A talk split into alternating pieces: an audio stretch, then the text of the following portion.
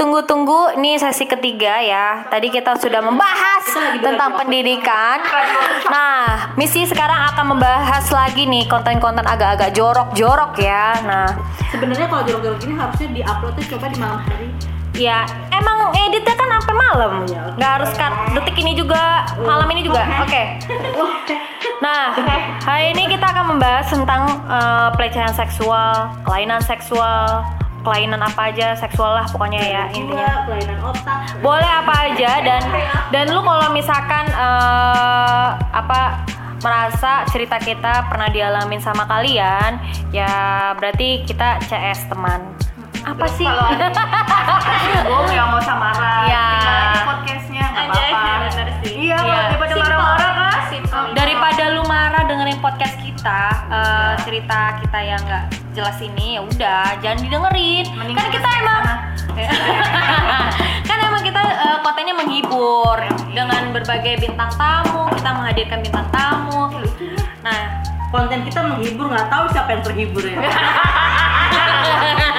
nah sekarang tadi Sailor Moon nanya. Ada oh ya kita masih masih ada bintang tamunya ini Sailor Moon jadi tiga podcast kita hari ini eh, membahas tentang eh, kisah hidup Sailor Moon Muda banget tua. Nah sekarang Moon tadi mau cerita apa? Eh, tentang apa tadi lu bilang? tentang seorang laki-laki yang Bentar ya, diduga eh, homoseksual asik. Aja. Trisam. Yang Trisam. Tahu nggak? Anjir langsung cepet banget dia dari tadi pendidikan dia lesu. Kan dia kan kayak pendidikan lu harusnya bisa dua-duanya. Bilang udah. kalau pendidikan otak gue nggak nyampe kalau nyampe kuliahnya di unpad Oh, Oke, di mana ada kontol di situ dia bisa. Kita lanjutkan. kayaknya gue pengen kerja di sama dokter Boyke deh oh Anda merasakannya Geraldine, mungkin. jadi hmm, Anda sadar diri. nih gue sebelumnya gue nanya dulu kalau lu pacaran sama orang bertahun-tahun kan nggak mungkin kan lu cuma lihat-lihatan doang nonton lu makan suap-suapan nggak kan pasti Yang kayak lah. Realistis lah bener. nah Iya. walaupun kita nggak di nggak sampai di unboxing tapi lu bisa ngerasain kan misalnya kalau ciuman doang dia tuh terangsang apa enggak lu kan bisa tahu kan Hmm. ya kan maksudnya lu lu dengan ciuman doang atau lu dengan pegangan doang lu bisa tahu dia terangsang apa enggak ya nggak gue pacaran bertahun-tahun sama laki-laki tersebut nih yang kita lagi Nih gue omongin tahu nih ceritanya. Gue tahu, ya gue udah tahu. gue ciuman mau apa segala macem Gue tahu nih ceritanya dia nih. dia nggak pernah nggak pernah apa ya nggak pernah terangsang kenapa gue becek gitu. kenapa gue tahu dia nggak terangsang karena kalau gue pegang ya dia lembek aja kayak jantung ayam gitu dan jantung ayam. Gimana? jantung ayam kan kecil terus kayak titik anak gue jantung ayam yang dijual di tukang pecel ayam. Taunya hati doang. Iya, gue juga tahu. Allah gua gua googling juga nih Ya jantung ayam coba. Eh, dia mah kebanyakan makan jantung ini jantung ayam Jantung pisang. jantung pisang. nih yang jantung ayam guys tuh Oh, ini, ini. ya kan ting ting ting ting ting ting ting gitu oke Ya, ya, ya, ya. Nah. Jadi dia kemaluan cowoknya segede itu. Terus Nah, abis itu dia pernah ngomong gini. Aku itu bukan laki-laki yang hypersex, kata dia. Apa karena titik kecil kan? Hah? Enggak gitu maksud gue. Dia kan kalau Takutnya kagak dia mau- takut malu kan? kan kalau nggak terangsang kan menciut kayak gitu. Iya, gitu. Emang kecil punyanya. Kalau punya yang Enggak kecil kalau dia nafsu mah pasti ber- berdiri juga. Iya lah. Jadinya kayak Aku itu bu, yang kemarin. Mbak aku tuh bukan cowok yang hypersex yang kalau misalkan ngeliat paha aja nafsu ada ya laki begitu ya. Atau dipegang pahanya aja bisa langsung terangsang. Aku tuh nggak seperti itu. Dan karena gue bucin ya gue percaya aja. Oh iya. Oh iya sayang. Gitu kan? Oh fake ya fake. Eh, nah terus gue curhat dengan temen dia yang sudah jadi sahabat dia tapi temen gue juga yang udah berumah tangga pada saat itu. Terus dia nanya sama suaminya kayak sayang kata dia gini gini gini gini gini gini gitu. Jadi dia menjawablah versi laki-laki bahwa nggak mesti orang hypersex untuk untuk lu terangsang gitu loh. Maksudnya kayak ya lu dipegang masa sih lu dipegang pahanya atau dipegang selangkangannya lu nggak ada eh, bulir-bulir setruman gitu kan? Jadi omongan dia tuh salah kalau misalkan aku gak kayak orang kalau ngeliat paha aja bisa nafsu. Dan gue inget banget ibunya tuh pernah ngomong Lu lu yakin dia homo? gue nggak ta gue nggak tahu dia homo apa enggak tapi dia sering bermain dengan yang Dan lu lu lu nyalain dia nih. Bisa jadi lu dia nggak nafsu kali sama akhirnya dia siapa sekarang ternyata? Ah iya, siapa dia Siapa sekarang? sampai sekarang Hai, hai, siapa dia? umur gue kan sama ya umurnya sama sampai sekarang dia tidak terlihat Oh, menggandeng sebuah Oh. perempuan sebuah seorang perempuan. Terus gini dia itu anak anak laki-laki sendiri. Semua kakak kakaknya kakaknya cewek adiknya cewek. Ibunya tuh pernah ngomong kayak gini "Hmm, dia ini memang orangnya lem eh dia ini memang lemah lembut karena semua saudaranya itu perempuan jadi ibunya itu seperti memaklumi keadaan anaknya entah ibunya tahu anaknya itu mempunyai kekurangan atau enggak tapi ibunya pernah ngomong itu Tapi sebenarnya gue pikir-pikir cocok sama lu. dan dia tuh selalu mengagung-agungkan bahwa kayak aku tuh nggak mau eh, NSBM Apaan tuh? no sex before married Oh iya. jadi dia merasa kayak walaupun gue pancing-pancing dia dia nggak akan ngapa-ngapain gue karena prinsip dia itu no sex before marriage tapi kan kita nggak tahu apakah dia begitu karena memang dia nggak bisa atau dia kayak gitu memang dia karena alim tapi dia pernah diperkosa sama perempuan Hah? Kan gue bilang. dan tadi. itu dia menangis coba Nah, anda no- no sex bayangkan before marriage bukan ini dong, Bukan alasan dong. dia ya. Itu alasan dong orang dia pernah diperkosa. jadi dia pernah cerita bukan diperkosa jadi dia pacaran sama satu perempuan perempuan ini entah pemandu lagu pokoknya ya agak nakal terus dia dibawa ke kosannya dan si perempuan ini itu unboxing dia Tapi gue gue nggak masih nggak percaya sama Dan dia laki-laki yang ngaku kalau diperkosa sama perempuan. Padahal tapi Iya, gue itu- percaya Itu, itu tapi gue gua- percaya kan karena bangun, orangnya kan? dia Yang masukin kan berarti kan eh, kalau misalkan lakinya itu nggak bangun juga. Nah, jadi gini, kejadian Gue masih maupun di laki-laki maupun di perempuan, ini kuncinya ada di relasi kuasa nih. Nih, da- jadi gini loh, eh, antara psikologis dan biologis, secara biologis kayak perempuan, ah perempuannya juga enak, perempuannya juga becek, sering kan? Di laki juga sama, ah lakinya juga tegang, karena itu memang alarm biologis, memang secara biologis Ya. diri. Yes. Nah, jadi nggak bisa disalahin gitu. Jadi memang ya itu nggak masalah, bukan nggak masalah, nggak bisa disalahin. Pemerkosaan terhadap lelaki itu ada dan nyata dan korbannya banyak.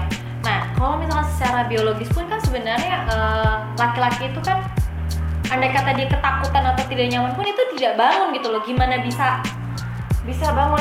bukan mungkin ini hanya Alasan bahasanya aja gitu. pemerkosaan Kita kan nggak tahu dia diapain, apakah dicolek, diremek tapi doang. tapi kalau yang gue tangkap Eh. adalah dia itu diajakin ML duluan tapi kan diajakin kan Iya, dan bukan mungkin- ya gua. bahasa kasarnya dia mungkin pemerkosaan tapi kayak ya nggak mungkin lah pemerkosaan orang itu pacar dia kecuali orang nggak kenal Nah, diperkosa itu iya maksudnya. gitu menurut gue mah pemerkosaan tidak terjadi di di dia maksudnya. suami istri atau di orang yang pacaran pemerkosaan itu terjadi karena pemaksaan toh berarti orang ini tidak kenal atau yang kenal tapi tidak mempunyai hubungan apa apa itu namanya pemerkosaan tapi dia kan ini pacar dia tapi dia merasa kayak Tapi gue di pacar, unboxing sama pacar tapi gue pacar nih. kalau dipaksa juga termasuk pemerkosaan loh. Karena itu kita punya otoritas atas tubuh kita sendiri. Ketika seseorang memaksakan hubungan seks sama kita, walaupun pacar kita sendiri, kalau kita nggak mau kan tapi gue hampir nonton uh, semua film yang berkaitan sama cowoknya dipaksa duluan sama perempuan. Hampir rata-rata tuh lakinya tuh uh, nggak ada yang sampai nangis kayak perempuan kalau mau diperkosa ya. Nah ini Jadi- dia menangis.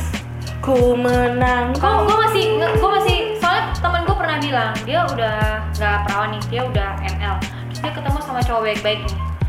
Dia bilang gue perkosa dia di mobil. Gue masih nggak gue masih nggak habis pikir lu perkosa di dalam mobil gimana ceritanya?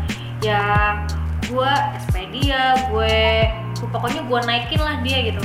Tapi kan nih cowok kan juga men- menikmati gitu. Beda sama halnya perempuan ketika diperkosa dia nangis sampai dia itu mungkin bahasanya doang dan- diperkosa, itu mah nggak diperkosa. Iya kan? Diperkosa benar-benar paksa. Nah betul maksud gue kayak untuk kata kalimat pemerkosaan itu menurut gue belum kurang tepat jika laki-laki diperkosa gitu. Lebih tepatnya dipaksa, ya dipaksa untuk berbuat.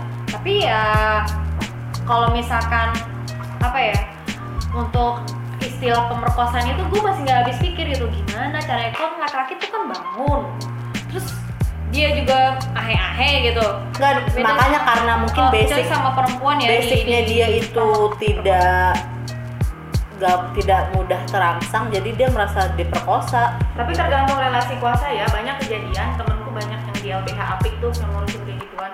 Banyak yang laki-lakinya mungkin usianya lebih rendah, masih 15. Perempuannya udah kerja gitu. Diperkosanya apa? Disuruh eh, dia cuma duduk dipaksa, itu itu disepongin, mau dia diri mau enggak, terus dikocok-kocok. Ya, ya, itu pelecehan ya. Iya, itu termasuk pemerkosaan juga. Atau oh, sorry nih, ada yang disuruh nungging bagian belakangnya duburnya di dicodok-codok gitu. oh Nah itu kan temannya kan cowok kan nggak harus kalau diperkosa itu nggak harus kita ituin titik jadi juga punya sorry punya belakang kan punya dubur bagian dubur kalau udah di aduh kok serem banget podcast kita hari ini kalau udah digituin tanpa dia izin dia juga itu kan termasuk pemerkosaan jadi memang sebenarnya ada laki-laki diperkosa itu ada. Cuman eh, orang kita salah menempatkan konteks kata pemerkosaan. Itu sih sebenarnya. Itu kalau kita mikirnya mantap-mantap gitu kali ya. iya. Nah, itu itu kan terjadi juga di filmnya Fifty Shades of Grey itu kan dia sebenarnya bisa kayak gitu karena dia punya pengalaman pahit diperkosa sama temen ibunya. Nah, itu gue masih mikir kan laki-laki bisa berontak gitu loh, bisa ya gue nggak tau lah kejadian situasinya kayak gimana yang pasti di film itu dia dia Kalau gitu. laki-lakinya- makanya dia ingin memperkosa perempuan terus kayak itu tuh nanti kali tapi ya. emang itu gue jadi tahu cerita ini gue pernah nonton juga filmnya film Korea. Jadi ter- eh, tentang psikologi. Jadi gue jadi baru tahu ternyata kehidupan rumah tangga pernikahan itu ya mungkin kita kedapatan yang bahagianya gitu. Ternyata ada sebagainya yang sepahit itu. Sampai yang kalau jadi harus disilet-silet dulu istrinya baru dia harus ya banyak lah eh, yang yang orang yang sakit mental kayak gitu sampai bisa ngerugiin orang lain itu berbahaya banget. pernah Nah ini kan gak nyangka kan kalau misalnya nanti istrinya siapa tahu dia kan pasti bakal punya trauma. Apalagi di negara kita yang memang nggak memperbolehkan seks bebas ya. Sementara seks kan ketahuannya kalau emang ngikutin norma negara kita kalau udah nikah ya kan? Kalau yang kayak gitu baru ketahuannya kalau udah kawin suka yang suka cambuk-cambukan. Yang suka ludah-ludahan kan ketahuannya kalau kalau dia aja, Sebelum lu ngerinya. nih nih ini saran gue kayaknya menurut gue lebih baik kayak gini. Sebelum lu merasa pasti kan lu udah ngerasa nih kalau misalkan lu aneh gitu atau janggal. Nggak ada salahnya kok untuk konsultasi tanya aja. Enggak, orang orang tuh kadang-kadang agak sedikit malu ke psikologi karena dikira. Gila. Gila lah dikira ini. Padahal sebenarnya psikologi itu sebenarnya ngerilis eh apa sih yang ada lu, lu kan kita sendiri kadang nggak tahu apa tentang diri kita ya kadang kita butuh orang lain untuk mencermati kita kayak gimana dan Ya, itu kan sebelum lu merugikan orang lain sebaiknya tuh lu harus tahu juga siapa diri lu gitu Iya, orang yang pergi ke psikolog bukan orang gila, bahkan sebaliknya Nah. orang yang punya kesadaran penuh, tahu ada yang salah sama dirinya dan mau memperbaiki. Jadi Nah. orangnya sehat. beberapa Harus waktu yang berobat. lalu nih ada selebgram buka sesi Q&A Eh, pertanyaannya adalah apakah penting sebelum menikah itu eh, dibuat perjanjian pernikahan atau maksudnya penting gak sih lu nanya gaji lu berapa? Uang yang akan lu kasih ke gue kalau udah nikah itu berapa? Itu balik ke pasangan lu mau kan, punya gitu. anak lu mau punya anak berapa? Eh, lu nanti kita setelah menikah itu tinggalnya di mana? Nah ada beberapa eh, netizen yang jawab kan duh nanyanya gimana? Cara mulai bertanyanya kayak gimana? Terus ada juga yang jawab kayak lah kita kan harus menerima pasangan kita padanya. Maksudnya kalau lu tinggal di kontrakan ya lu ngikut. Lu kalau harus KPR ya lu ngikut. Kalau dia nggak punya anak ya lu ngikut gitu. Tapi lebih banyak pro yang ya udah lu tanyain aja.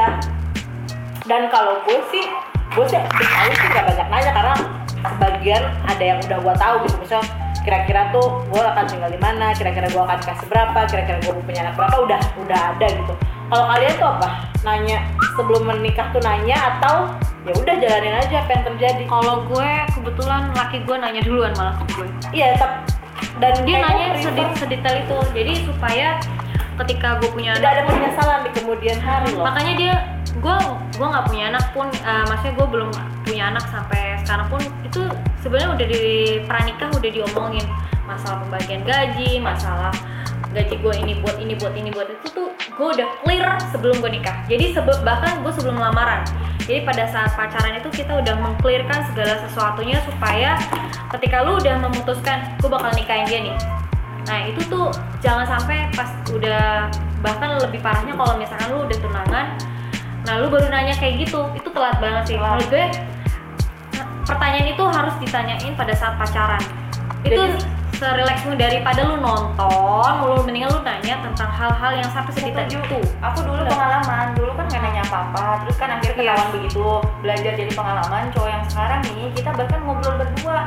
Kayak kita bikin buku di Excel kan, dia ngetik, kamu dapetnya berapa, aku dapetnya berapa, dia bahkan sampai bilang, anak kamu kan gini, berarti dana yang aku perlu lagi ini, nanti kita ngapain? Enakan kayak gitu, walaupun kita tahu nih, oh uang kita kurang, tapi jadi enak ya, bahkan sama-sama itu tahu. bahkan Jadi itu jangan membeli kucing dalam Eh, karya. jadi bahkan itu- nyaman, jadi nyaman. ditanya sebelum lu memutuskan tuh gue mau nikah sama dia Daripada nanti ribet kan? Sampai di situ ada Saya ceweknya berharap apa ya? yang kasihannya itu ada netizen yang curhat jadi gini dia tuh nggak tahu kalau suaminya itu nggak suka sama anak-anak Oh kan? Waktu pacaran nggak ketahuan. Iya. dan tidak pernah ngomong Mm-mm. pas dia nikah punya anak setiap dia dengar anaknya nangis marah jadi kalau misalkan anaknya nangis dia keluar rumah itu kan stres ya gua aja yang maksudnya Iya, gua baru melahirkan eh, kalau maksudnya awal-awal kan suami gue cuek gitu maksudnya dia mau nangis mau kayak tidur sekarang aja dia udah eh, ini nah itu tuh stres gitu loh menghadapi bayi Ya. apalagi kita ibu baru yang nggak tahu apa-apa yang nggak tahu nih anak nangis karena apa mau diapain nih anaknya dan dia ngelakuin itu karena dia nggak dia baru tahu setelah menikah bahwa suaminya itu nggak suka sama anak-anak Hebat. jadi jadi pas dia punya anak kalau anaknya nangis dia bawa keluar rumah sampai supaya suaminya itu nggak denger anaknya nangis Sengsara banget ya. Nah, makanya makanya itu paling penting. Balik lagi ya. Itu makanya paling penting. Lu tuh sebenarnya harus tahu siapa diri lu, kekurangan lu, terutama kekurangannya. Dan apalagi lu mau ngajak orang lain untuk bersama sama lu untuk selamanya. Berarti kan lu juga harus tahu kekurangan pasangan lu kan. Iya. Nah, diri lu sendiri aja nggak tahu kekurangannya. Gimana lu mau nerima keku- kekurangan orang lain? Makanya pentingnya buat nih para pendengar ya, nggak ada salahnya kita sharing. Tapi sharingnya balik lagi, siapa eh, yang lu sharingin haruslah orang yang tepat di bidangnya. Jangan sampai lu salah sharing. Kan biasanya ya nong tempat teman-teman nongkrong biasa ya, sharingnya sama yang teman temen nongkrong gitu loh. Ya yang rumah tangga aja baik, Iya. walaupun kita disiksa dia akan ngasih saran, udah pertahanin, Nah, sabar. benar. Yang, yang anaknya bandel, udah tinggalin. Padahal kita masalah sepele. Iya. Jadi ke profesional aja. dan suaminya itu nggak pernah bilang ke tuh anaknya jadi kayak tuh tuh anak kamu tuh gitu ya. itu kan sakit ya maksudnya kayak ini anak lo juga anjir Punya kontol, Nah. nggak punya otak. lu tapi, tapi kadang biar tahu kekurangan diri tuh kadang kita juga harus per- perlu per- apa ya jeda waktu healing. Lu sendiri lu cermatin diri lu tuh siapa kesalahan lu apa sebelumnya. Lu cermati dalam tujuh hari ke belakang nih apa aja sih kesalahan yang lu udah pernah buat nah di situ tuh sebenarnya lu udah bisa koreksi nih kelemahan lu. Dan itu kalau misalkan itu parah dan bisa merugikan orang lain sebaiknya lu konsultasi deh. Sebelum lu merugikan orang lain. Gitu ya? Oke? Ada lagi yang mau dibahas? Enggak, udah aku pengen punya bayi. ayo cepat lah menikah Enggak, nanti aja. Iya, dia lagi masa penjajakan, lagi unboxing terus. Oke guys, kita eh, tutup podcast kita hari ini. Banyak banget eh, sharing yang bermanfaat. Ini kita banyak banget mudah-mudahan sih bermanfaat ya kalau nggak ya pendidikan, pendidikan untuk eh, terutama untuk psikologi kita juga ya, kesehatan mental jiwa kita. Asik. Ya udah ya guys. Wassalamualaikum warahmatullahi wabarakatuh. Sampai ketemu di podcast berikutnya. Bye. See you.